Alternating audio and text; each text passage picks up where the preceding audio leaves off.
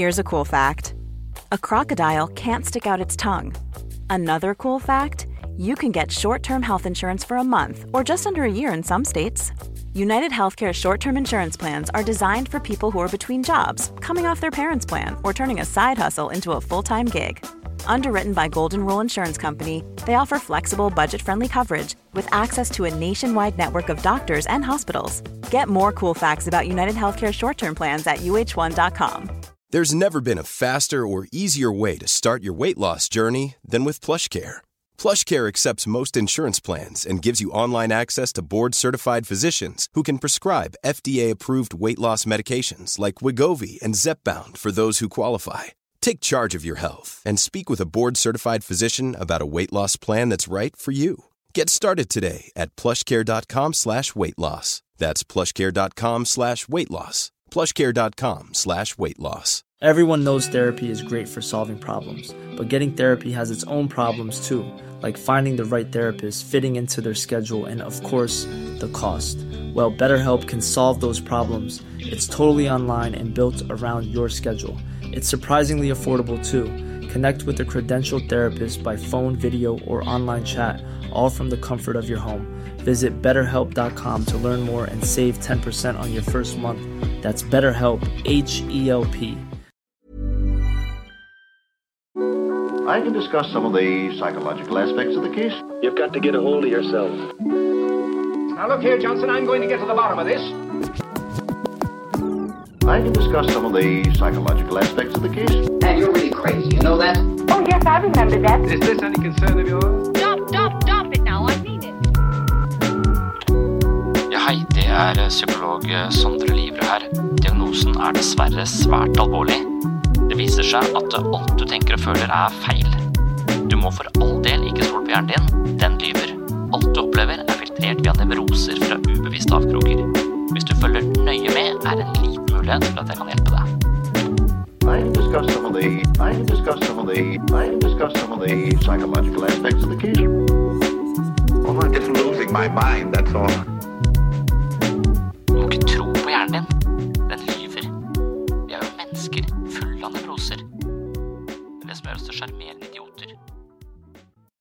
Hei og velkommen til en eh, ny episode her på Sinnsyn. I dag skal jeg snakke litt om eh, depresjon. Jeg eh, har alltid tenkt at depresjon er en komplisert tilstand som rammer mange av oss. Over en fjerdedel av oss vil oppleve en depresjon i løpet av et liv, og mange av oss vil oppleve flere perioder som kanskje kan klassifiseres som depressive. Og da er spørsmålet hvordan vi skal forstå depresjonen, og mitt mantra eller min kjepphest gjennom eh, mange år, kanskje allerede fra jeg studerte og begynte å sette meg inn i vitenskapsteori, at det er mange ulike fasetter ved et eh, komplisert problem, så har jeg alltid tenkt at eh, ingen depresjoner er like. Mange mennesker har eh, disse symptomene på nedstemthet, men årsaken til symptomene kan variere ganske mye. Og for å virkelig forstå dybden i vår egen depresjon, så må vi kanskje vite om så mange årsaksforhold som mulig. Vi må forstå hvordan vi havnet i denne situasjonen av nedstemthet, og hvis vi forstår bredden og kompleksiteten i veien inn i depresjonen, så har vi også kanskje muligheten til å komme oss ut ved hjelp av eh, kanskje omtrent like kompliserte tiltak. Så det kan jo hende at man må gjøre mange ting for å komme seg ut av en eh, depresjon, og det er en tematikk jeg har vært opptatt av, eh, som sagt, veldig lenge.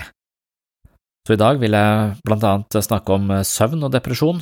Det viser seg at hvis du eh, legger deg en time tidligere, eller forskyver søvnmidtpunktet, altså det midten av ja, søvnmidtpunktet, det er altså den medianen mellom når du legger deg og når du står opp, hvis du får den til å inntreffe en time tidligere, hvis du er av de som er litt lenge oppe på kvelden, så kan du redusere faren for depresjon med 23% Hvis du legger om kostholdet, så kan du også få ganske gode helsegevinster knytta til depresjon. Her er det en studie som har tatt for seg kostholdsveiledning opp mot støttesamtaler, og i den gruppa som da endra kosten sin og gjorde helkorn, frukt, grønt, meieriprodukter, olivenolje og nøtter til fundamentet i kostholdet sitt, de hadde ganske god eh, prognose når det gjaldt depresjon. Så det å unngå ultraprosessert mat, som det heter, det betyr at det er mat som eh, vi typisk tenker på ja, ikke bare det vi tenker på som fast food, men også det kan være sånne posesupper, mellombarer, polarbrød, lettbrus og mange typer yoghurt og søtende frokostblandinger, er det man kaller ultraprosessert mat, og da får kroppen rett og slett ikke det den trenger av næringsstoffer, noe som påvirker også psyken vår. Så etter en eh, studie da, hvor eh, en gruppe fikk kostholdsveiledning over eh, noen måneder, sammenlignet med en gruppe som fikk støttesamtaler, så etter tolv uker faktisk, så var 32% i kostholdsgruppa friske fra depresjonen, så man kan endre kostholdet sitt. Man kan også være mer utendørs. Jo flere minutter du bruker utendørs, jo mer reduserer du sjansen for depresjon. Sollys, altså utendørs i den perioden hvor sola er oppe, eller hvor det er dagslys, da. Høre til i grupper har vi snakket mye om, det er utrolig mange faktorer som uh, fører uh, inn i en depresjon, og det er også da sannsynlig at vi må iverksette ganske mange tiltak for å komme oss uh, ut av en depresjon. Og det å kjenne til alle de faktorene som påvirker psyken vår, det synes jeg er ganske viktig. Samtidig så møter jeg ofte motstand når jeg formidler den typen forskning og kunnskap hvor mange synes det er eh, tungt å bære den typen innsikt. Når de vet at eh, kostholdet vil eh, eventuelt forbedre følelsen av depresjon eller redusere depresjonen, så er det en innsikt man da har fått, men hvis man da ikke klarer å implementere den innsikten i hverdagslivet, altså ikke klarer å legge om kostholdet sitt, være mer med venner, være mer ute, være mer fysisk aktiv, altså mindre isolert, alle de tingene, mindre på telefon, alle de tingene som virkelig har en innvirkning på vår psykiske helse, når man vet om det og vet også en slags prosentandel for hvor stor sannsynlighet det er for at det vil redusere symptomene dine, så har du en innsikt, og idet man ikke klarer å benytte seg av den innsikten, så vil man kanskje føle seg tiltagende nedfor og udugelig. Så her er det med å ha informasjon en eh, litt eh, som sier, det er et paradoks. På den ene siden så er det viktig at vi har den informasjonen, og det gir oss også den friheten til å faktisk gjøre noe med problemet. Men så har jeg også tidligere snakket om boka til eh, Erik Fromm som heter Escape from Freedom. Det å ha den friheten, den forståelsen og den innsikten, det er også en tung bør å bære. Det betyr at vi må ta veldig mye ansvar for vårt eget liv, og det kan virke svært tungt hvis man er eh, veldig nedfor. Så her er det sånn eh, ja, hva skal man si, det er et uh, tvega sverd. Skal man servere denne typen kunnskap, eller bør man skåne folk fra denne typen kunnskap fordi de bare vil legge stein til byrden, nesten sagt? Det er jeg litt uh, usikker på. Jeg tror i hvert fall man skal servere denne typen uh, forskning og altså kunnskap om psykisk helse på et sølvfat, eller på en sånn måte at det er lett å fordøye, og det er jeg ikke sikker på om jeg alltid klarer. Men eh, det må jo da være et eh, slags forbedringspotensial jeg har. Så i dagens episode så drodler jeg litt rundt dette med å ha den typen kunnskap. Jeg tenker jo selv at eh, kunnskap om FNs nye klimarapport er viktig for meg, selv om den gir meg kvalme, vondt i magen og dyp følelse av skam over min egen måte å leve på. Det er smertefullt å vite om klimaendringer, men den smerten tenker jeg også er eh, viktig. Og hvis du forstår at måten du lever på er depresjonsfremkallende, og du ikke klarer å gjøre noe med det, så er det smertefullt, men kanskje den smerten er veldig viktig for å nettopp nudge deg i retning av å faktisk gjøre noe med situasjonen. Og når det er sagt, så tenker jeg at eh, det skjer også en del ting rent nevrologisk i hjernen vår når eh, vi har eh, vært gjennom en depresjon eller er i en depresjon, og det er ofte en type frakobling fra følelser, fra tanker, fra andre mennesker, fra meningen med livet, fra spiritualitet, fra alt som egentlig betyr noe. Det virker det som om man kobles av på sett og vis og blir satt i en veldig passiv og da depressiv posisjon.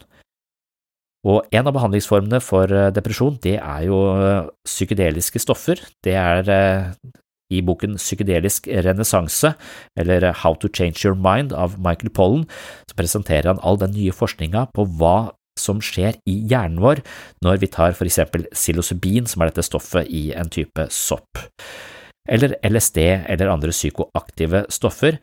Da er det som om hjernen vår, altså det nettverket som koordinerer all informasjonen i hjernen, det går litt ned, sånn at hjernen, de ulike avdelingene i hjernen begynner å snakke seg imellom, og vi vil få ganske merkverdige opplevelser, men det kan også gi en slags innsikt i at vi er ikke denne huben, vi er ikke egoet vårt, vi er ikke tankene og følelsene våre, vi er noe mye mer, og det kan eventuelt gå opp nye baner i hjernen din som kan skape en, en litt større oversikt og en helt annen innsikt enn man hadde før, og det kan kanskje være en slags eh, vitamininnsprøytning for den som da sliter med depresjon, i å nettopp kunne ta til seg den typen informasjon og forståelse for sin egen situasjon er mye større perspektiv, har mange perspektiver på sin egen depresjon, og dermed også mange tiltak tilgjengelig for å komme seg ut av depresjonen. depresjon.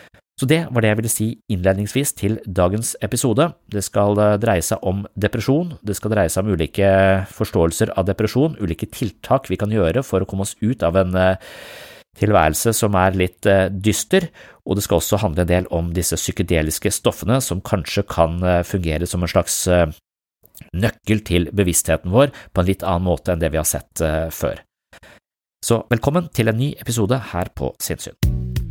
Jeg syns temaet i dag var sånn angst og depresjon, og hvordan henger det sammen?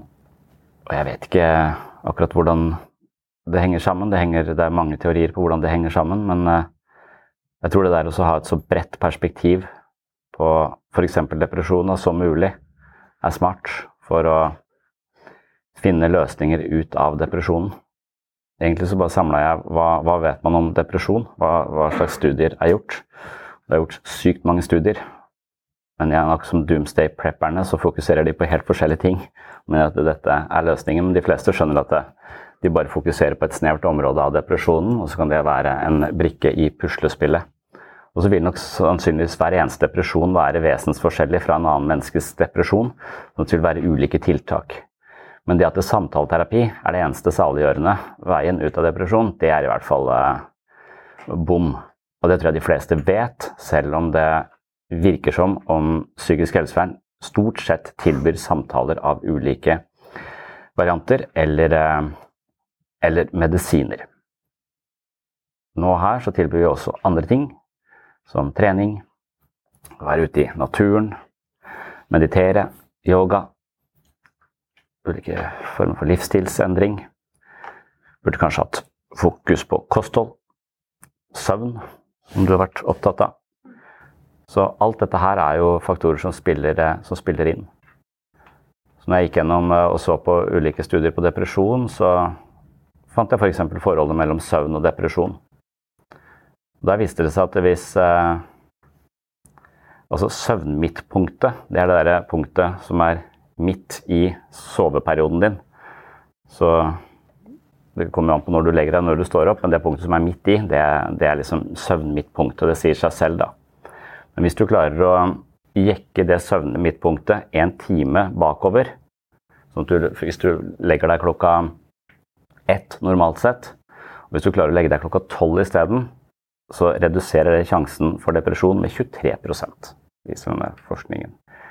Og Hvis du da klarer å jekke det to timer tilbake, sånn at du legger deg klokka 11, så risikerer du eh, eh, lavere risiko for depresjon tilsvarende 40% Så det er veldig depresjonsforebyggende og depresjonsbehandlende å klare å redusere, altså, eller eh, klare å presse søvnmidtpunktet tidligere. Selvfølgelig hvis du kan legge deg klokka fire eh, på, på, ettermiddagen og så sove til klokka Men, men det er også å ha, ha en viss, uh, viss, døgnrytme.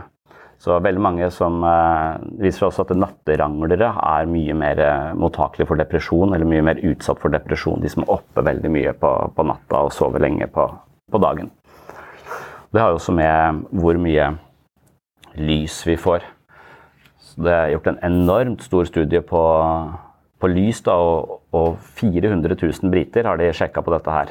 De studiene de viser at det å oppholde seg ute eh, når som helst mellom daggry og skumring, det knyttes til et eh, ja, mer velbehag og større grad av lykke.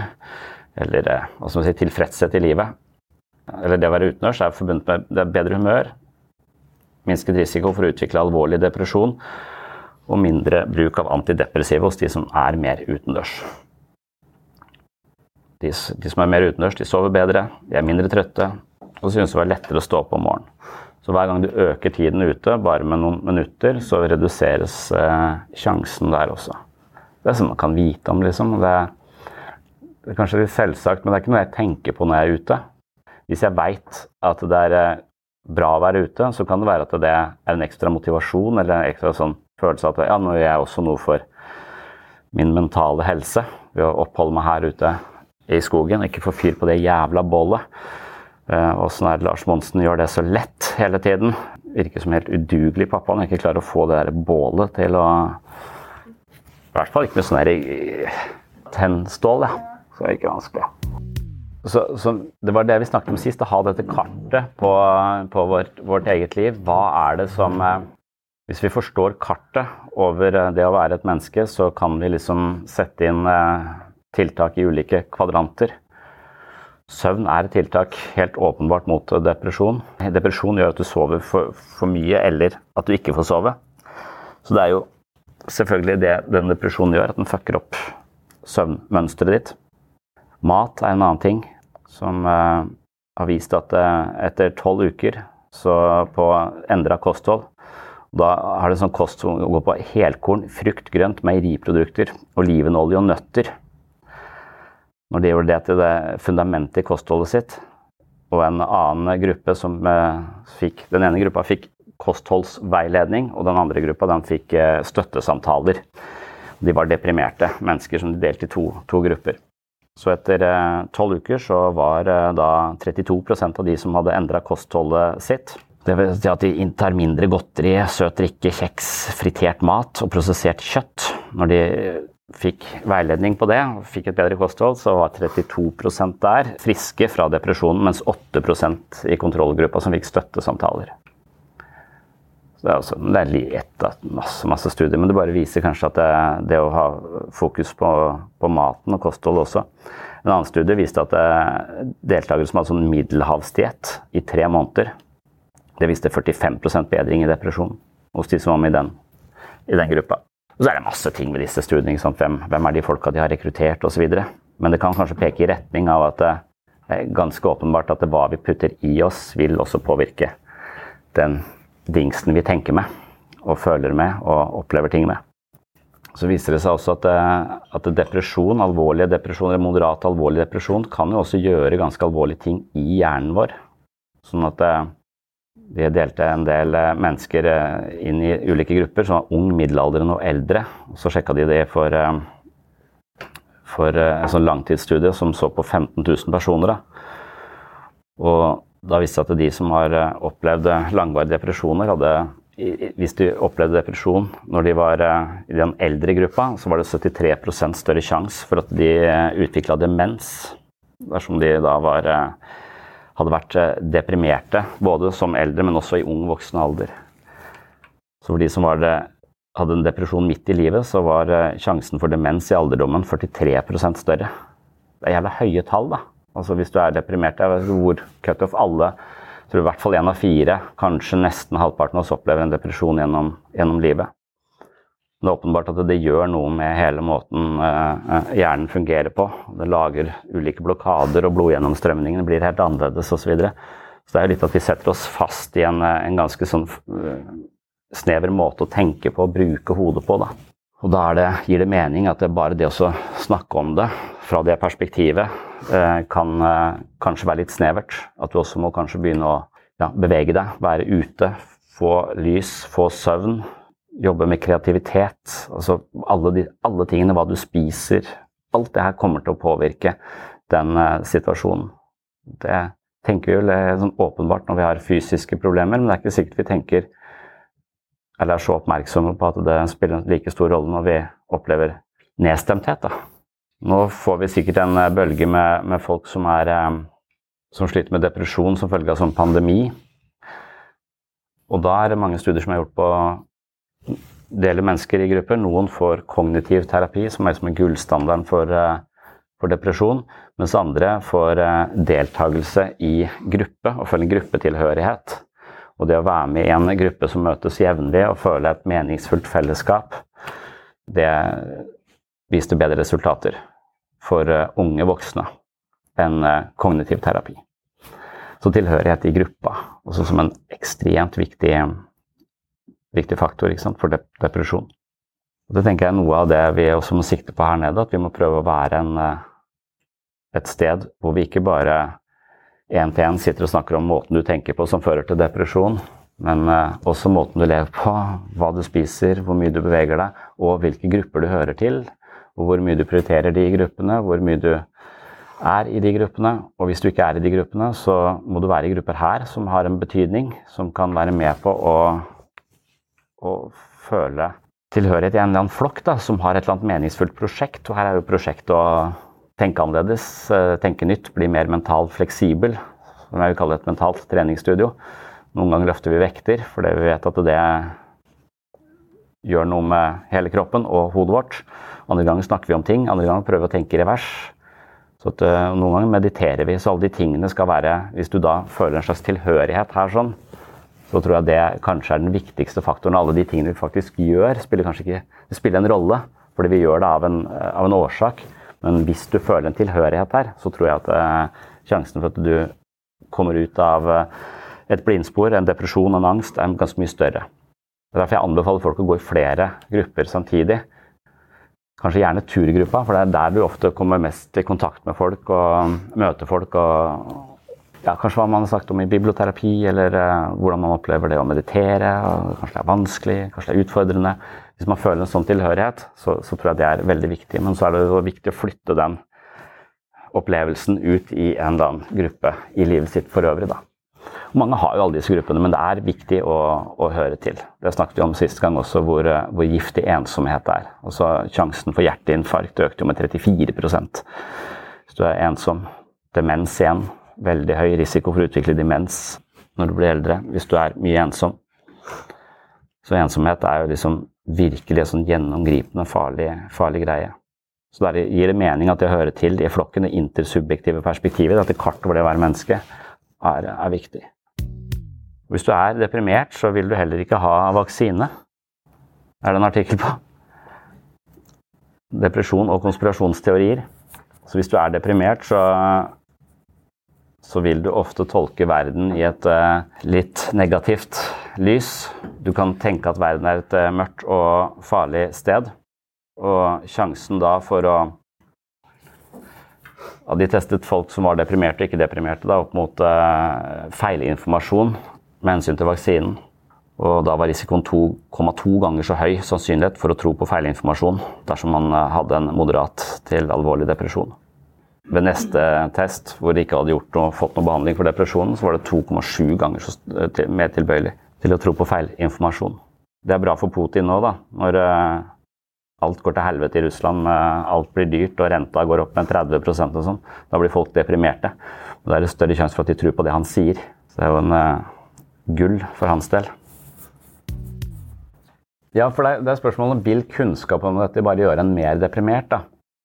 Når man vet hvor mange ting som, eh, som, som, spiller inn, eller gir det frihet. Og det er jo det vi snakket om forrige gang, den der Erik Fromm-boka 'Escape from Freedom'.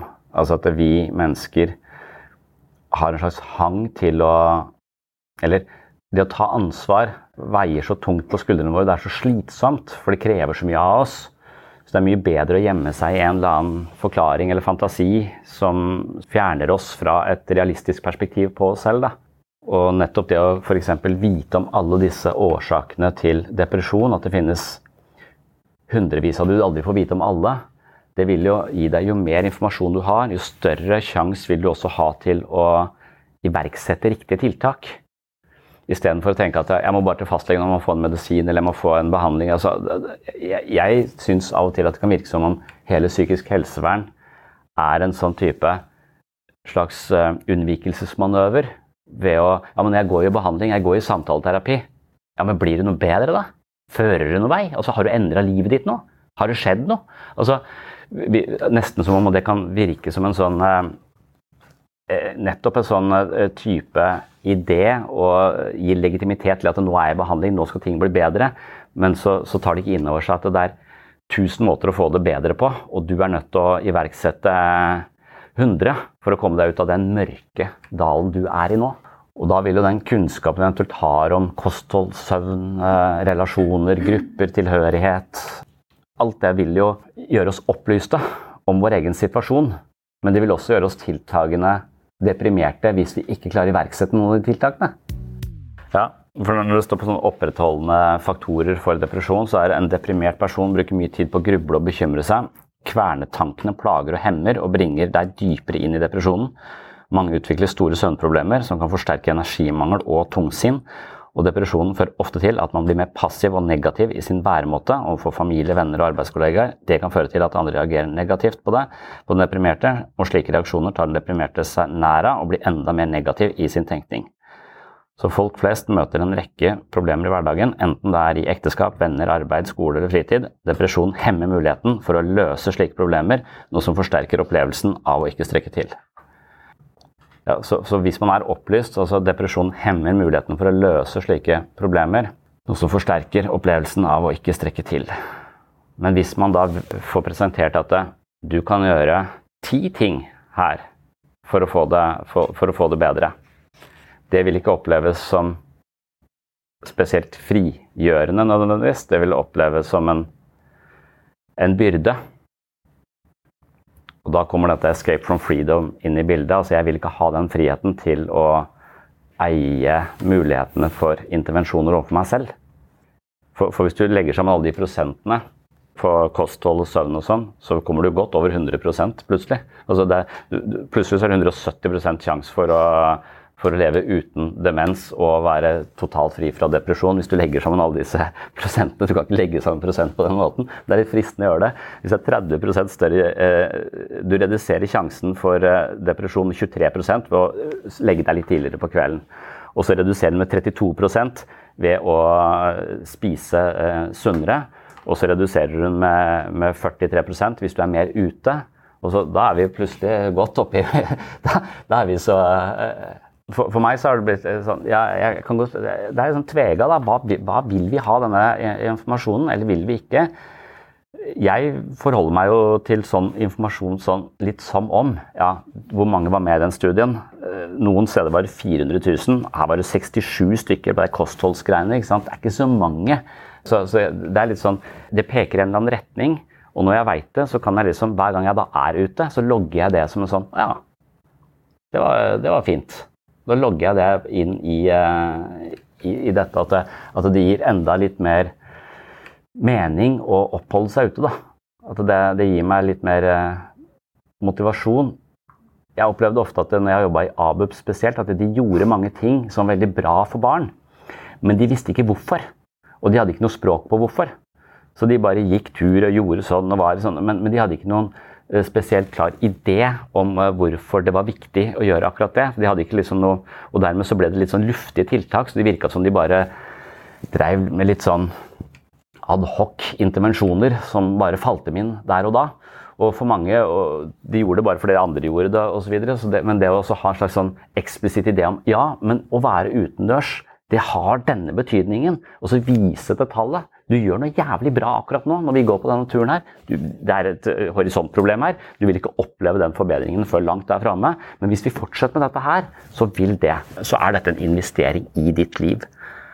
Og det å vite om de, de tinga, det kan være motiverende, men så kan det være tiltakende mye å bære når du ikke klarer det. Så hvor mye ansvar kan vi på en måte Det er vel det som kanskje er mentalt styrke. da, Bære så mye ansvar som mulig. For da behandler vi oss sjøl bra. Men med en gang vi veit mye om hva som er bra, og ikke gjør det, så er, kanskje, så er det kanskje tilsvarende vanskelig, eller kanskje tilsvarende mer jævlig å ligge på den sofaen og ikke få det til. Men så hvis du var i en behandlersituasjon, da, at du skulle hjelpe mennesker, og du satt på denne informasjonen, og du satt på et treningstilbud der nede, som kun 3% av de menneskene du møtte, benytta seg, og du visste hvor potent den treninga var for nettopp det mennesket og den depresjonen, ville du gitt den informasjonen som en slags ja, men Du må være med i trening. Eller ville du skånet det mennesket fra den innsikten? Ja, jeg tenker ikke at jeg er noen behandler. Jeg tenker bare at jeg sitter i den samme situasjonen selv. At jeg at jeg har problemer med å få trent. Og jeg fikk ikke trent på ettermiddagstid, så jeg startet treningsgrupper i sin tid bare for å få trent selv. Og tvinge meg selv til det, og da hadde jeg liksom forplikta meg. Så jeg, så jeg, vet liksom hvor, hvor svak jeg selv er for å unnvike og ikke gjøre ting som er bra for meg. Så jeg måtte sette meg selv i sånne situasjoner. Men så har jeg liksom brukt nesten ti år på å prøve å motivere, eller bare prøve å få behandlere der oppe til å hjelpe de menneskene de sitter med, ned i en treningssal. Men eh, det, har, det er som å stange hodet i veggen i, i, i ja, i ti-tolv år, liksom. Selv om eh, Og det er det samme som Nå var jeg liksom oppe på sammen med hun Kjersti Karoline Danielsen, som heter, som er forsker på UiA. Og hun synes at når vi vet så mye om disse helsegevinstene for psykisk helse, Hvorfor er det ikke flere av dere som implementerer dette her i hverdagen deres der borte på det jævla DPS-et? Og så sier jeg maser om det, og jeg har mast om det i ti år, eh, og jeg har mast om det kanskje i 15 år. Men, eh, men, det er eh, et eller annet i systemet som jeg tror er motivert av både de som kommer hit, sin motforestilling mot å trene, kanskje erfaringer fra det tidligere, har vært ræva osv. Samtidig som den, det, det, det behaget ved å bare gjøre sånn som vi alltid har gjort. Sitte på kontoret og snakke. Og da, da blir man etter hvert litt sånn desperat når man tenker at det, ja, men 80% av og til av de som blir søkt inn her for depresjon, kommer tilbake igjen seinere. Altså, rett i dette. Altså, det, det, virker ikke som bare samtale funker. Er det noen som gidder å høre? Men, da, men da kommer man jo dette dilemmaet. Altså, ja, folk blir bare sånn matta å høre. Men da, da, du, da har du den psykodynamiske forståelsen av at det er vår tendens til å flykte fra den friheten vi har. da. Escape from freedom. For det er det å bære det ansvaret er så tungt. Men kanskje jo mer ansvar vi tar, jo bedre lever vi. Og det er liksom mental, uh, mental styrke. Men vi gir jo veldig, som vi snakket om da, vi gir jo veldig lett fra oss den det, det, ansvaret, eller eh, den, vår, vår, innsikt og vår forståelse for problemet, for å f.eks. Eh, tilfredsstille en eller annen følelse umiddelbart, eller for å høre til en flokk, eller, eh, eller hva det skal være. Altså, vi har mange sånne behov som vi, som vi søker, søker, til, og da kan det være at vi, vi, forlater vår bedre viten. Så på en eller annen måte føler jeg det er jo en bedre viten her i all denne forskningen, som vi likevel liksom ikke, verken behandlere eller de som kommer hit for å få hjelp, helt klarer å implementere eller ta inn over seg. Da. Det er sånn tusenvis av studier som kaster lys over det. Bare det vi snakket om her forut, bare det med å altså Hvis vi ser på depresjon som en slags innsnevring i tankegang og perspektiver, en slags sånn, vi kalte det en slags fundamentalisme, hvor alt fortolkes med en negativitets bias, på en måte, og alt ses i et, et, et mørkt lys. Så du, du, hele tiden fortolker virkeligheten på en på en negativ måte og ikke klarer å, å løfte inn noen noe flere perspektiver. Og det å tenke litt mer fleksibelt, det vil være hensiktsmessig for å, for å komme seg ut av depresjonen. Og så viser det at det, det, å være kreativ og tenke fleksibelt, tenke annerledes, tenke revers, det er noe som stimuleres når vi er for det første ute, og når vi går og kan velge hvor vi skal gå. Så de som ble utsatt for disse kognitive testene på tur, de som fikk du skal gå denne løypa, mens de som du kan gå hvor du vil her ute i skogen, de som gikk hvor de vil, de, de løste disse kreative oppgavene mye bedre. Da, da, tyder det på at hvis vi er i bevegelse og vi er i naturen, eh, at, at muligheten for å tenke friere og litt mer åpent kanskje er til stede. Likevel så skal vi sitte på et trangt kontor og stirre hverandre i øynene mens vi holder på med den, den terapien. Hvorfor er det ingen hvorfor, hvorfor, ser jeg ikke folk hele tiden gå rundt der ute? Det, det er ikke sikkert alle trenger det, men, men, hvis det er en faktor som spiller inn, hvorfor, hvorfor, benytter vi ikke den faktoren? For den ville være Da ville kanskje komme som taushetsplikt, ville kanskje synes vært litt ubehagelig. Det er veldig, veldig nært her til natur, hvor du kan gå Hvis du går klokka tolv her, så er det ikke sikkert du møter noen, og da er du bare du går tur med én, liksom. Og så jeg vet, ikke, jeg vet ikke hva slags uh, Hvilke forhold som gjør at man ikke benytter seg av den ideen i det hele tatt. Jo, for, det er litt sånn, Når jeg sier dette, så kan man godt si at ja, dette, dette ble jeg bare mer deprimert av. Å høre, ja, Spesielt kanskje på sånne tall hvor, hvor negative helsekonsekvenser F.eks. dette for, for meg så er det med ensomhet kanskje noe av det mest alvorlige jeg har lest i forskning på det. og Det gir så gjenklang, liksom. Og, og det liksom ansporer meg også til å prioritere relasjoner på en annen måte enn jeg gjorde før. For jeg er kanskje litt distansert som person, nærmest. Altså at jeg har masse folk rundt meg, men det er ikke sikkert jeg helt er kobla på alltid. At jeg er mye i mitt eget, liksom. Og at det er hvor viktig det er for meg. å, på en måte kontre min introverte tendens da, ved å koble meg på og ikke sørge for ikke være ensom. Det er det å føle seg som en del av noe. Det, er, det demper kortisolnivået i kroppen min. Selv om jeg ikke merker kortisolnivået mitt nødvendigvis, har det helse, helsegevinster eh, for meg. Så når man liksom, Det er så utrolig mange sånne, sånne ting, og så kan man si at ja, men hvis jeg får vite det, så blir jeg bare mer deprimert. Men hvis du ikke får vite det, så blir du sittende inne i Platons hule og tro at dette her er, eh, her er, virkeligheten. Så noen ganger når jeg sier sånne ting, så føler jeg meg litt som den keiserens nye klær, hvor jeg er den lille ungen som sier ja, men han har jo ikke noe klær på. Og alle andre tror at uh, altså, ja, dette er så fint stoff, vi lager de beste klærne til denne keiseren som er jævlig forfengelig og sånn, og så Kåren sprader ned med de flotte nye klærne sine, alle skal se, og så er han naken. Altså, og det er litt sånn, jeg føler at ja, men Trening har jo denne effekten. Hvorfor implementeres ikke dette som en slags obligatorisk ting når du, det, eh, når du bor i en mørk dal og er deprimert? Hvorfor implementeres ikke dette nærmest som obligatorisk? Og da føler jeg litt jeg sier, ja, men de, er jo de sitter bare og prater med dem. Det, det, terapi har en effekt for mange, og det er mange, mye med operativsystemet vi bør, bør, endre på. Men ofte ikke eh, hardt nok skyts til å komme seg ut av en, en, en, alvorlig depresjon. Og hvis man skriker ut det, så føler jeg litt at Hysj, det, det, det, er flott.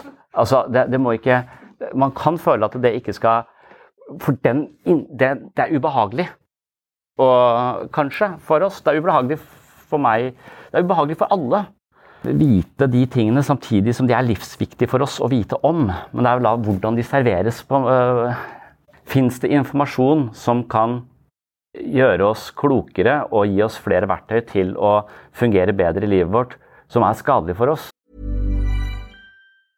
Ryan Reynolds her from Mint Mobile. With the price of just about everything going up during inflation, we thought we'd bring our prices down. So to help us, we brought in a reverse auctioneer, which is apparently a thing.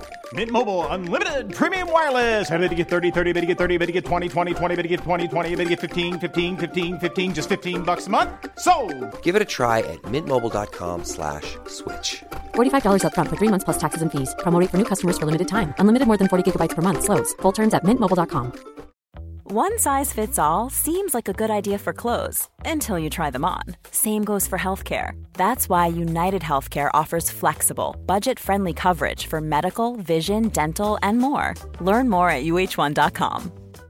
Everyone knows therapy is great for solving problems, but getting therapy has its own problems too, like finding the right therapist, fitting into their schedule, and of course, the cost. Well, BetterHelp can solve those problems. It's totally online and built around your schedule. It's surprisingly affordable too. Connect with a credentialed therapist by phone, video, or online chat, all from the comfort of your home. Visit betterhelp.com to learn more and save 10% on your first month. That's BetterHelp H E L P.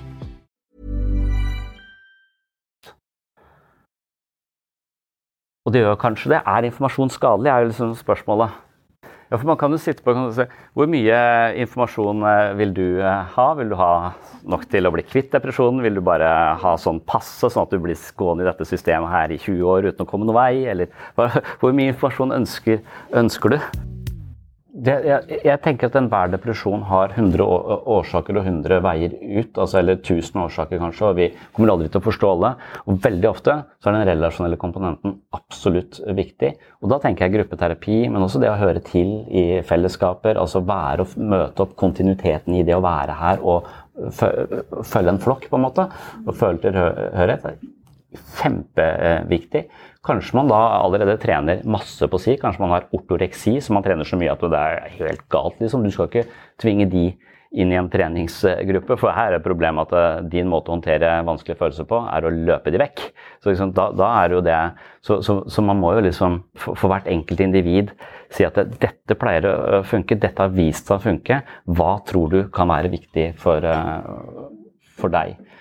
Men da tror jeg igjen at vi må vite at alt vi tenker og føler er feil. For veldig mye av vår egen rasjonalitet og vurderingsevne er forkludra av alle nevrosene våre. sånn at vi, når vi skal gå i forhandlinger med oss selv for å forstå virkeligheten og forstå hva jeg faktisk må ta inn over meg og gjøre av endringer, så, så, tror jeg vi ofte kan rasjonalisere oss ut av det og så tenke at nei, det er ikke så viktig for meg. For, tre, sånn, eh, for meg så er det viktig, å, det er kun dette. Altså, sånn som jeg tenker om når jeg hadde denne tiraden mot ADHD, at, at, alle skal ha ADHD fordi de har konsentrasjonsproblemer, så skal alle på amfetamin. og det fordi vi leiter en nevrologisk forklaring, mens eh, den nevrologiske forklaringen er så diffus. Altså, du må spørre noen lærere som kjente deg for 30 år siden og syns du vedkommende var litt urolig. Jeg ringte. Jeg har hatt sånne samtaler med lærere, ikke sant? sånne komparentopplysninger etter folk som skal utredes for ADHD. Og så snakket jeg lenge med denne læreren da, om ja, det, han var kjemperolig, bla, bla. bla. Og så, og så får denne personen ADHD-diagnose, og så ringer den læreren tilbake og sier du, var det, var det Roger du sa? Å ja, nei, jeg snakka om Joakim, jeg. Og så, Å ja, fuck! Så det, det var, du huska ikke Det var feil person, ja. Altså, så, så bare, sant, tenk så mange feilkilder når noen skal huske langt tilbake hvorvidt noen var urolig. Og hva var årsaken til denne uroen? ikke sant? Var det skilsmissen i familien? Var det um, mobbing på skolen? Var det overforbruk av smarttelefoner? Det er så mange årsaker, liksom. Og, og det kan godt være at en type medisin hjelper oss, men det må aldri være den eneste forklaringen. Vi, vi må aldri hvile i én forklaring. Men jeg tror det er det vi ofte ønsker. altså Hver gang vi har et problem, så vil vi jo helst at det skal være en ganske enkel løsning på det. Som, eh, som eksempel, eh, og en medisin kan være en løsning, men jeg tror det er så innmari sjeldent at medisinen er eh, en fullgod løsning på uansett hva slags eh, utfordringer du har. Da. At du i hvert fall kunne vinne ekstremt mye helse på å leite i de andre kvadrantene samtidig Jeg tror på en måte vi er veldig oppmerksomme på kroppen, men som vi bare behandler det som to forskjellige domener. At vi ikke, at vi ikke skaper eh, bro over fra den ene kvadranten til den andre. At uh, søvn og depresjon eller kosthold og opplevelse av uh, humør, sinnsstemninger At alt dette på en eller annen måte interagerer. Men også og at det, det, er så naturlig for oss at det gjør det, men, men det er også såpass diffust at det det er vanskelig å iverksette noe på bakgrunn av det. Sannsynligvis også pga. horisontproblemet. At den sunne maten jeg spiste i går, hjelper meg liksom ikke nødvendigvis i dag eller i morgen hvis jeg ikke fortsetter det. Så det, det er litt sånn Det, er noe Dette må inn i type rutiner, og det, må, har jo kun en effekt ganske langt der framme. Det er så langsiktige perspektiver, da.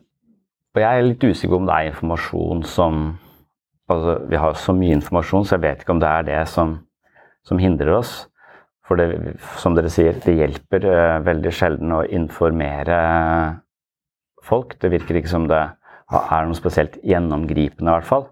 Og det der med å få folk til å snakke om at det finnes ulike grupper, det har jeg også prøvd på i ti år. altså til behandlere som jobber i systemet. Husk at det er en treningsgruppe her. Husk at folk kan lære seg å meditere. Husk hvor, hvordan eh, meditasjon kan være forebyggende for en hel haug av psykiske plager. Det å koble seg inn i superbruker og være litt observatør av sitt eget sinn og forstå at man ikke er egoet sitt.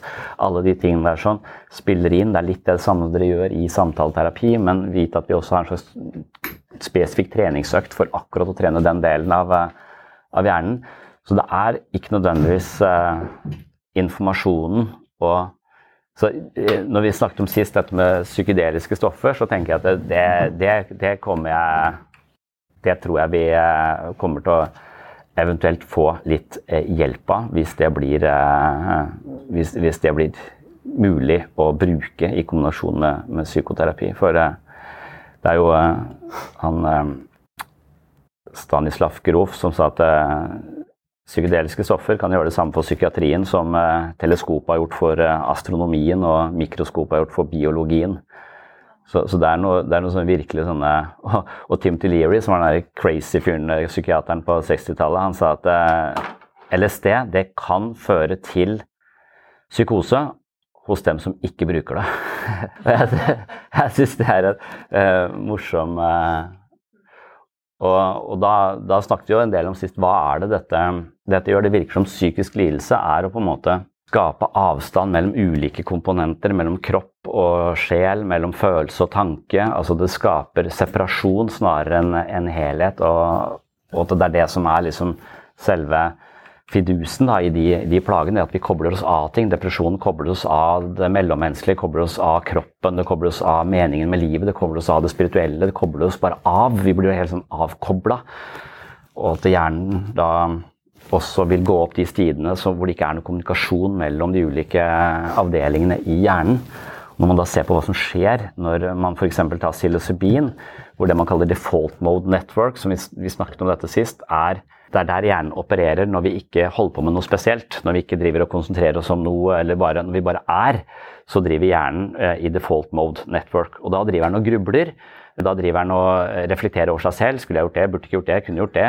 Det er også her theory of mind ligger. så at Det at vi kan forstå andre mennesker fra innsiden, at de har en, eh, har en hjerne og en mening osv., det også, ligger også i dette nettverket. Og Da bruker vi ofte det også litt sånn negativt. Hva tenker de om meg nå? Hva syns de om det nå?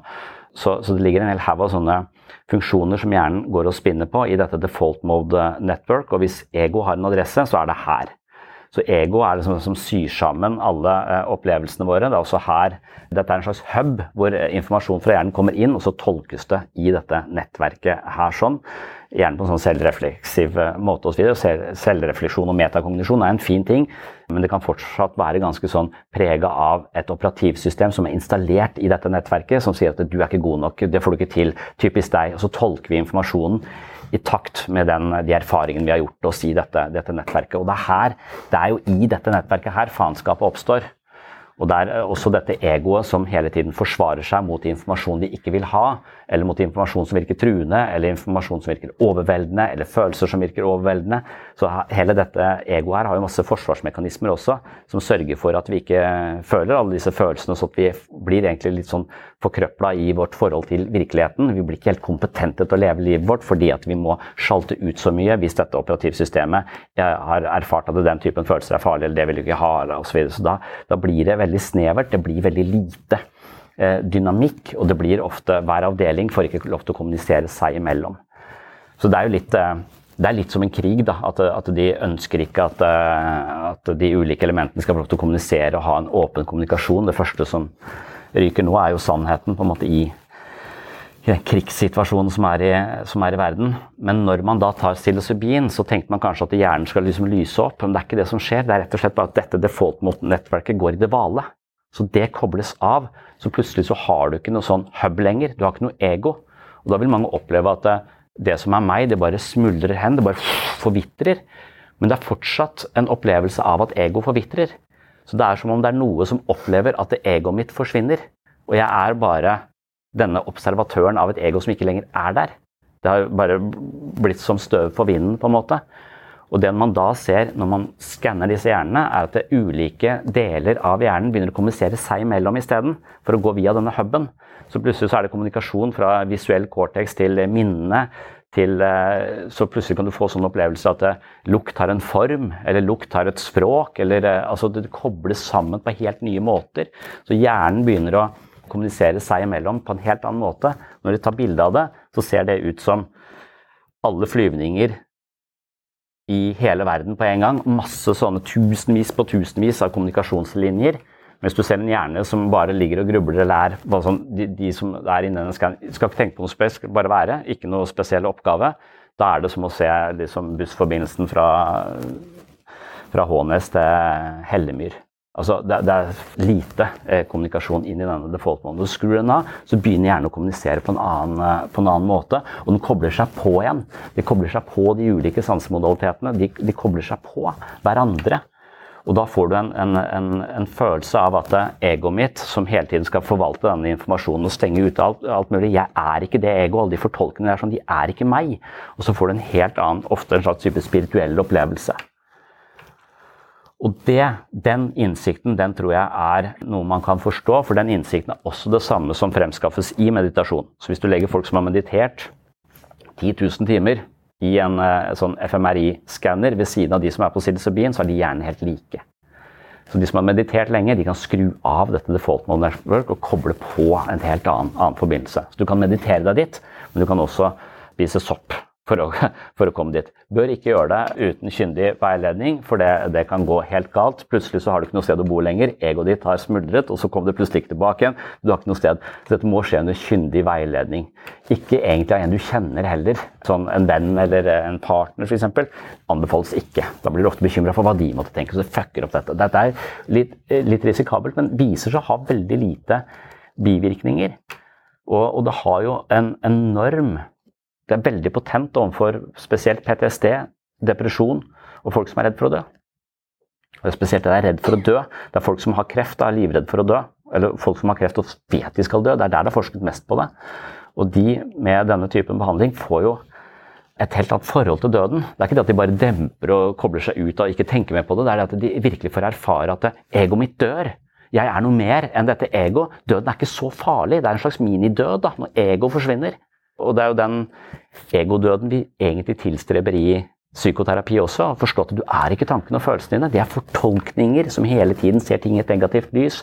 Kobler ute, stenger av for kommunikasjon mellom ulike avdelinger. Alt skal gå via Putin. Det er ikke hensiktsmessig. og Når du får den, den, den erfaringen, så, så, så, tror jeg det kan være veldig åpenbarende. Men jeg tror ikke det er noe quick fix. Det er ikke sånn at oi, men det er plutselig å se at oi, det er masse andre baner her inne som det er mulig å se. si når jeg har sett de, og for å bære den innsikten videre i livet ditt, så er det ofte meditasjon som kan kultivere det inn i livet. Så, så, det å ha en sånn type behandling, hvis man ser for seg at det, å behandles for depresjon med ketamin, da, som man gjør i Moss, som er eh, en del av dette Helse Sør-Øst har jo ketaminbehandling nå som et tilbud. Kanskje ikke forskningen er kommet langt nok til at de er fullstendig liksom sånn stuerene. Det er en del kritiske stemmer fortsatt, men forskningen har jo stagnert i 40 år, for dette har vært forbudt å forske på etter at de fengsla Timothy Leary i, på, på 70-tallet. Men, men, men, nå har vi begynt å forske masse på det igjen. Og det virker som om at det, det, dette er ikke noe sånn passivt ja, jeg bare får liksom, ECT, da, du blir bare lagt, du kommer i narkose, og så sender de strøm i hjernen din, og så våkner du opp og jeg er ikke deprimert lenger. Hva faen skjedde nå? Eller så husker du ingenting. Altså, det, det, for meg virker som en litt sånn opplevelse i skyggen, på en måte. Men jeg, det, det, er nesten sånn som Breuer og Freud. da, tenkte Breuer, som var læreren til Freud, han tenkte at vi skal bare vi skal rett og slett eh, føre folk inn i en sånn type transe. Vi skal eh, ja, hypnotisere folk, rett og slett. At vi skal hypnotisere dem til å bli, bli bedre. Men da er de på en måte ubevisst, så de påvirker mennesker på en ubevisst måte. Mens Freud sier nei, det funker ikke, det har ikke en langvarig effekt. Vi er nødt til å gjøre det i våken tilstand.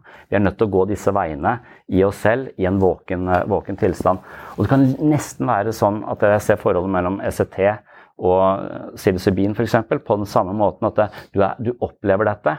Og dette er ikke Hvis du stritter imot, f.eks., så er det litt som å være Bilbo i den der eh, koselige byen med de runde dørene, og så kommer den der eh, høye trollmannen og sier du skal være med ut på en jævlig slitsom tur inn i noe fjell og ned i noen jævla dype daler, og, og der er det alver og orker og alt mulig faenskap. Og det er liksom sånn at han, han, vil jo ikke det. Nei, jeg skal spise maten min, lese avis og slappe av og ikke slutte å plage meg. på en måte. Jeg tror det er litt den at vi må våge den reisen. da. Og at det, det er liksom Så det å ha denne typen behandling er ikke en passiv ting. Det er noe som vi aktivt må velge å gå inn i, for da er du på vei inn i ganske nye opplevelser i deg sjøl. Og dette her åpner for det, fordi det demper det nettverket som hele tiden har patent på å tolke og fortolke og selvrefleksjon og sånn og sånn. og sånn. Det er rett og slett en vei inn i superbrukermodus. Så det gir deg en, en smak av andre måter å reagere på. Og når du da kommer tilbake i egoet ditt, så vet du om det. Og da må du bruke det. Altså, Den integreringsprosessen bør absolutt gjøres uh, av uh, noen som har erfaring med dette. Så når han Michael Pollen har skrevet om dette i How to Change Your Mind, som er den, tatt for seg den siste forskninga på dette, og han selv har gått gjennom alle disse ulike stoffene, så, så begynner man ofte med en dag med pusteteknikker for å komme tilbake til kroppen. Så man begynner med kroppen, for det er veldig mange mennesker som har psykisk plager, er kobla totalt fra kroppen sin. Så det å finne tilbake til kroppen og puste på en sånn holotropisk måte, som gjør at du puster mer ut enn inn, det gjør også at hjernen får ikke nok surstoff, sånn at dette default network går igjen inn, så du får omtrent den samme opplevelsen ved å puste på en sånn litt spesiell måte. Så han får, han får en hel dag med pusteøvelser og lære seg å komme tilbake til kroppen. Altså, da fant jeg tilbake som jeg satt på en hest, og jeg var hesten. Kroppen min Plutselig har jeg aldri hatt en sånn følelse for min egen kropp før. Det var første dagen kun pusting. Andre dagen LSD. Tredje dagen integrere akkurat de opplevelsene som skjedde der. Og det virker for meg som drømmetydning, nesten. Altså, du har masse opplevelser som ikke nødvendigvis makes sense. Men ved å snakke om det og relatere det til livet ditt og prøve å dra ut informasjon om deg sjøl og det du har erfart via en sånn integreringsprosess, det, det, er tredje dagen. Så det er ganske nøye sånn Og det er psykologer som driver med dette. De kaller det uh, undergrunnsterapi. Fordi det er ikke lov, så, men de har stått fram i, i tidsskriftet og, for, for, psykologer og et sånt nettsted som heter psykologisk.no. De står ikke fram med navn fordi at de, de, de vet at dette foreløpig ikke er, er ja, lovlig. Ketaminbehandlingen er lovlig. Nei, jo, men jeg, jeg mener at nå ser det ut som det er på vei mer og mer inn. da. At det blir mer og mer vanlig. så at det er, det er så jo mer forskning som gjøres, jo mer studier som viser at det har eh, omtrent ingen bivirkninger. Noen får dårlige opplevelser, men det er ikke noe som de tar skade av på noen måte. Men langt de fleste får ganske gode, eh, gode resultater. Men det krever jo at man bearbeider den innsikten og bruker den kanskje flere år fram i tid. ikke sant? Litt sånn som når jeg har vært i gruppeterapi selv, så dukker det plutselig opp i hodet mitt ti år seinere. Jeg husker den sa det til meg. Måte, og, det, og det, det, gjenspeiler denne situasjonen. Akkurat nå jeg oppfører meg sånn. Og så, og så kan det Så må jeg ha med, meg, ha med meg det som det står et frø. Så Hvis du tar med deg det, det videre så, Men de psykologene som gjør dette undergrunns, de, de tar med folk ut på ei hytte i skogen. Eh, og Så er det én mann og én dame, og så er det én eh, pasient. Og så er de eh, der ute, og så gjennomfører de denne mer eller mindre seremoniaktige greiene med veldig gode eh, resultater. Da. Ayahuasca er, er, litt det som eh, åpnet, eller satte liksom brekkjernet i døra, på en måte åpna litt for, eh, for, denne typen behandling og forskning. Fordi det ble i Høyesterett i USA, så, så fikk en sekt lov til å innføre ayahuasca til USA fordi det var en del av et religiøst ritual. Egentlig så er det stoffer i ayahuasca som er forbudt, står på narkotikalista, men pga. at det er sånn religionsfrihet, eller du, du, skal få tro hva du vil, og dette var en del av et religiøst ritual, så fikk de lov til å ha det med seg inn i USA. Så Derfor så åpna Høyesterett for det. Og, og, det var liksom første, det var i 2006. Det, det gjorde ganske mye for hele holdningen de hadde til narkotiske stoffer. For det, det å bare putte alle narkotiske stoffer i én sekk og si at dette er narkotika farlig, det er nok det som har vært eh, greia. Mens, eh, mens, det er stor forskjell på giftstoffer som heroin og, og, kokain, som har store store bivirkninger og veldig veldig avhengighetsskapende, kontra de psykedeliske stoffene som har en helt annen fungering. Så, som ikke har no, nesten noe med hverandre å gjøre eh, i, det, i det hele tatt. Nei, men det er, det er jo skrekkhistoriene er jo de folka eh, som har tatt dette i eh, når, når, det er illegalt. For med en gang det er illegalt, så er du også i et eller annet kriminelt miljø hvor dette er tilgjengelig på en måte, og da kan det godt være en grad av fiendtlighet og, og, og, faenskap i den typen miljøer som i utgangspunktet vil kanskje gjøre at du blir ganske forstyrra av å ha den typen opplevelser i utrygge omgivelser. Og det kan være ganske farlig, tror jeg. Sånn at det, så det, skal gjøres, eh, det, skal gjøres, i helt spesielle omgivelser. Du skal føle deg veldig trygg. Du skal, det skal være så mange tilrettelagte Sånn at det har skapt en del negative ting for folk. Og vi hører masse skrekkhistorier om hvordan folk har eh, klikka helt på, på sånne ting. Det, det, tror jeg er sant. Jeg tror ikke jeg bare er skrekkhistorier. Jeg tror det er, hvis du tar det i feil Dette kan være veldig Men det er sikkert med hjertemedisin òg. Kan sikkert ta det på en feil måte, sånn at du, hjertet ditt stopper hvis du tar for mye, eller hvis du tar det mens du trener, eller ikke sant. Det er sikkert mange sånne ting som, som man må tilrettelegge for. Så det så jeg husker eh, Bill Hicks, han døde vel for 18 år siden, nesten akkurat nå. Han, eh, han snakket jo mye om dette med psykedeliske stoffer og hvorfor det var forbudt. og sånn. Han, han sa at ja, hører vi disse skrekkhistoriene om folk på LSD som tror de kan fly. Så hopper de ut fra en høy bygning, og så dauer de. Og så, dette er jo dumme mennesker, de skulle jo dø. for Hvis du tror du kan fly, hvorfor begynner du ikke på bakken for å fly opp? Hvorfor skal du absolutt begynne på toppen og fly det? Så skulle du bare begynt på bakken. Idiot! Vi trenger ikke sånne duster. Så, sånn, I en sånn humorforstand så var det litt gøy, på en måte, men han var ganske frekk. Um, Bill Hicks. You ever see a good drug story on the news? Never. News is supposed to be objective, isn't it? It's supposed to be the news. But every drug story is negative. Well, hold it. I've had some killer fucking times on drugs. Let's hear the whole story. Same LSD story every time, and we've all heard it. Young man on acid thought he could fly, jumped out of a building. What a tragedy. What a dick. He thought he could fly. Why didn't he take off the ground and check it out first? You don't see ducks lined up to catch elevators to fly south. He's an idiot. He's dead. Good. there's one less moron in the world? Wow, what a fucking tragedy, huh? I guess I'm one car length up in traffic tomorrow. Og så virker det som om det nesten er litt sånn som en, det der med lucid dreaming. At du, hvis du er våken i drømmen din, så kan du på en måte utfordre ting. Og Det er litt den beskjeden man får. altså Hvis du ser en dør, gå inn den. Hvis du ser en trapp, gå opp. Altså Bare vær med. Eh, undersøk det som skjer, vel vitende om at dette her er en slags opplevelse som hjernen din skrur sammen. Litt sånn som drømmen er jo en opplevelse som hjernen din skrur sammen.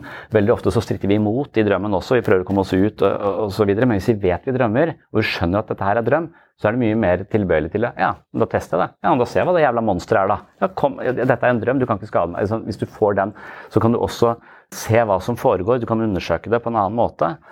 Og det er intervjua veldig mange mennesker i den boka som har fått behandling av dette, som er eh, legalisert da, i, i, USA. Bl.a. Eh, dette med terminale eh, kancerpasienter som skal dø. hvordan den frykten for den døden har avtatt eh, med ja, 80% viser den forskningen. Også de depressive tendensene og angsten. Angsten hos uh, er avtatt med, med 80 altså den frykten for at livet nå er de er ved veis ende. Men så var det også en dame som jeg, som jeg la merke til. Hun, hun, hadde fått behandling med cellegift, og hun var frisk, så hun hadde ikke kreft lenger. Men hun klarte ikke å leve, hun var så jævla redd for å få det igjen.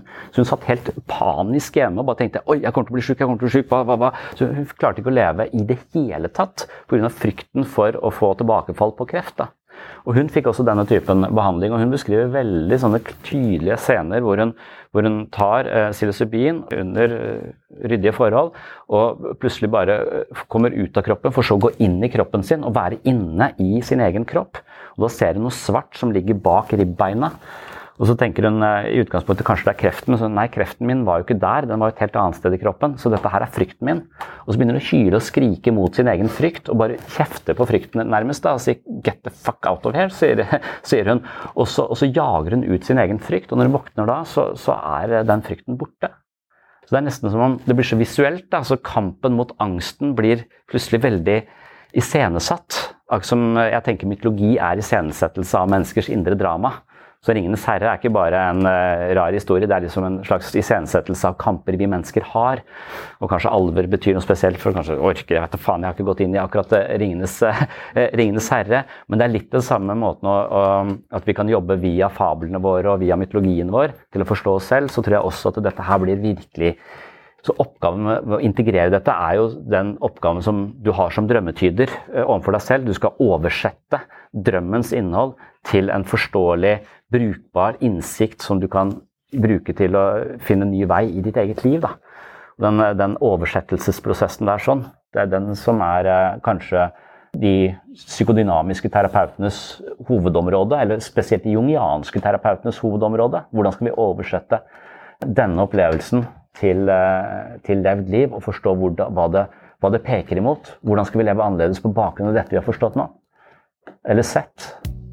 Nei, men jeg synes I og med at behandlingen allerede eksisterer i, i, Moss, og jeg har sendt flere pasienter til Moss, så tenker jeg at det, det er eh, ja, det tenker jeg på ketamin, for det, for det er det. Men, men, det er jo så masse forskning på MDMA og alt det andre, så at det eh, vil, vil, være tilgjengelig. Men, jeg, men jeg, jeg, tror nok også vi må liksom da Det, det er et eller annet med holdningen eh, her, akkurat den derre eh, holdningen jeg mener er sånn biologisk determinert. Jeg håper ikke dette blir en sånn at dette går inn på biologiens område, inn på legevitenskapens område. Ja, Det skal bare stimulere noe i hjernen og noen synaptiske forbindelser og noen serotoninreseptorer som skal sånn og sånn og sånn. og sånn, At dette blir en sånn garasjeprosjekt. da.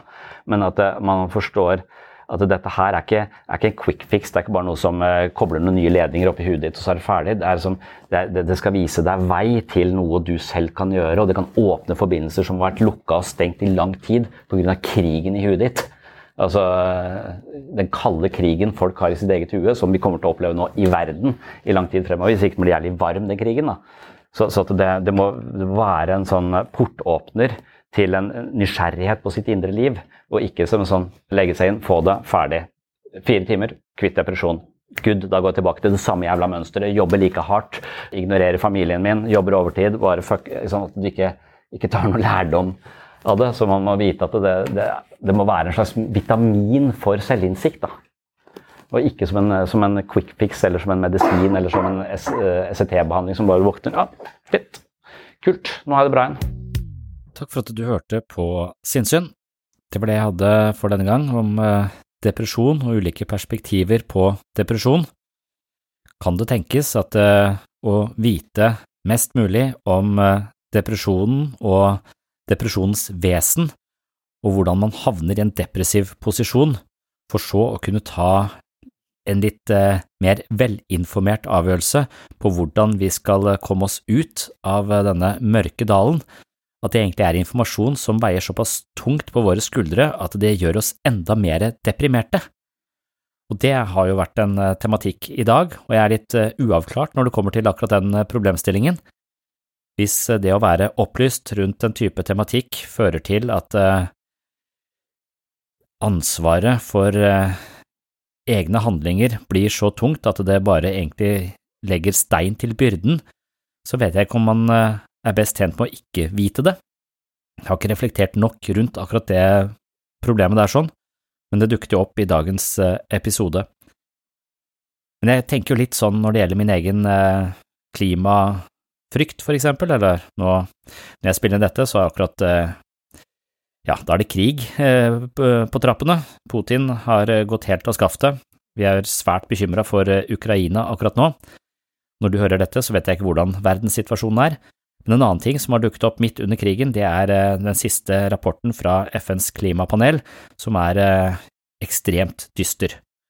Og det gir jo meg ganske mye uro. Det gir meg også ganske mye skam, fordi jeg mener at jeg kanskje ikke lever bærekraftig nok. Og da hadde det vært beleilig for meg å stemme på et parti som avviser eller rett og slett fornekter klimaendringer, menneskeskapte klimaendringer, for da hadde jo den følelsen av skam og bekymring gått vekk. Men jeg mener jo at det er en slags flukt, jeg mener at det er å stikke hodet i sanda, og jeg tror at den skammen og den uroen jeg føler på, det er et viktig signal som kanskje kan dytte meg i riktig retning og gi meg den muligheten til å leve enda mer bærekraftig, sånn at jeg kan få mer balanse med hensyn til mine idealer og miljøvern og hvordan jeg selv oppfører meg som menneske. Så selv om det er vondt og smertefullt, så er det ikke sikkert at den smerten er uhensiktsmessig eller noe vi skal bli kvitt.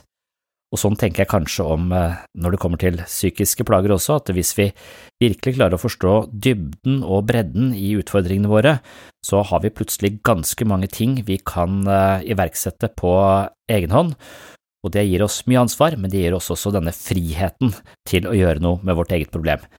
Men som Erik Fromm har skrevet en hel bok om, Escape from Freedom, denne friheten den har også sin pris, for den er tung å bære.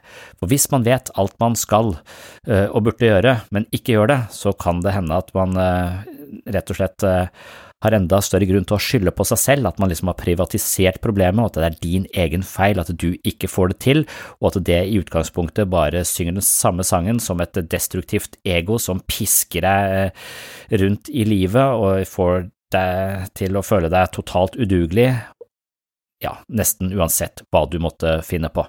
Så her er det litt problematisk, kanskje er denne typen informasjon ikke særlig gunstig for de som er fanga i brukermodus, ikke klarer å se at måten vi tenker, føler og handler på, altså ikke ta et skritt tilbake og ha en litt større oversikt, men med en gang tar den informasjonen rett inn i brukermodus, bruker ser at dette klarer jeg ikke å forholde meg til, jeg klarer ikke å bruke denne informasjonen på en konstruktiv måte, ergo så spiller jeg bare den samme melodien som sier at du er mer og mer udugelig.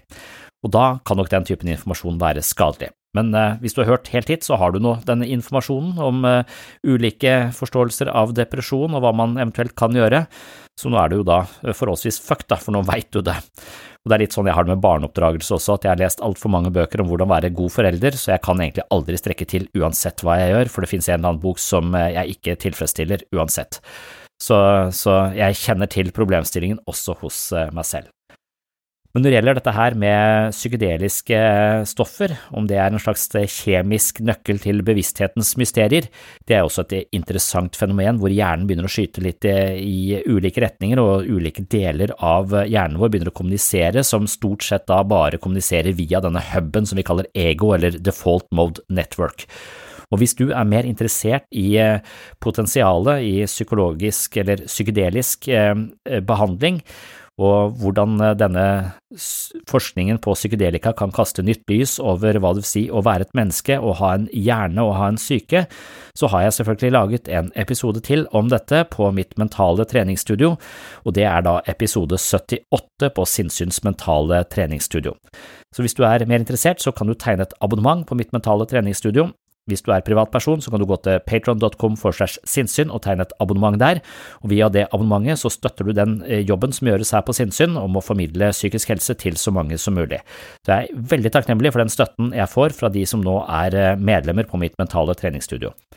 Og hvis du jobber i en bedrift eller et foretak eller en klubb eller en organisasjon som ønsker et eh, bedriftsmedlemskap, så kan du også kontakte meg på sinnssynmedlem at uh, gmail.com, eller uh, gå inn på webpsykologen.no og laste ned den brosjyra som ligger der, lett tilgjengelig og veldig synlig, hvor jeg presenterer det tilbudet som er på Sinnsyns eh, mentale helsestudio for bedrifter. Så da kan du gå til sjefen din og si at dette her er et viktig løft for psykisk helse i vår bedrift. Hvis alle får et abonnement på dette mentale treningsstudio, så kan vi trene mentale muskler, så går antall sykemeldinger ned som følge av psykisk uhelse. Det vet jeg ikke om jeg kan eh, love, men eh, i hvert fall så tror jeg et fokus på hva som foregår på innsiden kan eh, gi et viktig løft og kanskje skape noen interessante samtaler i lunsjen som stikker litt dypere enn vær og vind. Det er i hvert fall håpet med denne podkasten.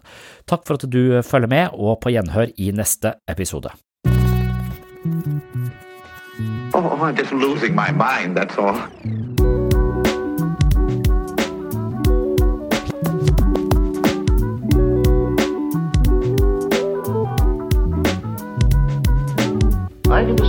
The I can discuss some of the I can discuss some of the psychological aspects of the case.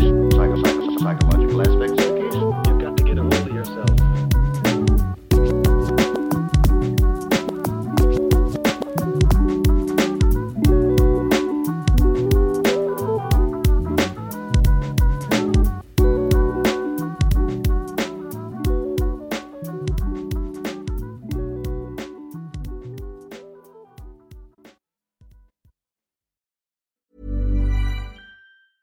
Planning for your next trip? Elevate your travel style with Quince. Quince has all the jet setting essentials you'll want for your next getaway, like European linen, premium luggage options, buttery soft Italian leather bags, and so much more. And is all priced at 50 to 80% less than similar brands. Plus, Quince only works with factories that use safe and ethical manufacturing practices. Pack your bags with high-quality essentials you'll be wearing for vacations to come with Quince. Go to quince.com/pack for free shipping and 365-day returns. Mom deserves the best, and there's no better place to shop for Mother's Day than Whole Foods Market. They're your destination for unbeatable savings, from premium gifts to show-stopping flowers and irresistible desserts. Start by saving 33% with Prime on all body care and candles. Then get a 15-stem bunch of tulips for just $9.99 each with Prime. Round out Mom's menu with festive rosé, irresistible berry chantilly cake, and more special treats. Come celebrate Mother's Day at Whole Foods Market. Imagine the softest sheets you've ever felt. Now imagine them getting even softer over time. That's what you'll feel with Bowl and Branch's organic cotton sheets. In a recent customer survey, 96% replied that Bowl and Branch sheets get softer with every wash. Start getting your best night's sleep in these sheets that get softer and softer for years to come. Try their sheets with a 30-night guarantee. Plus, get 15% off your first order at bowlandbranch.com. Code BUTTERY. Exclusions apply. See site for details.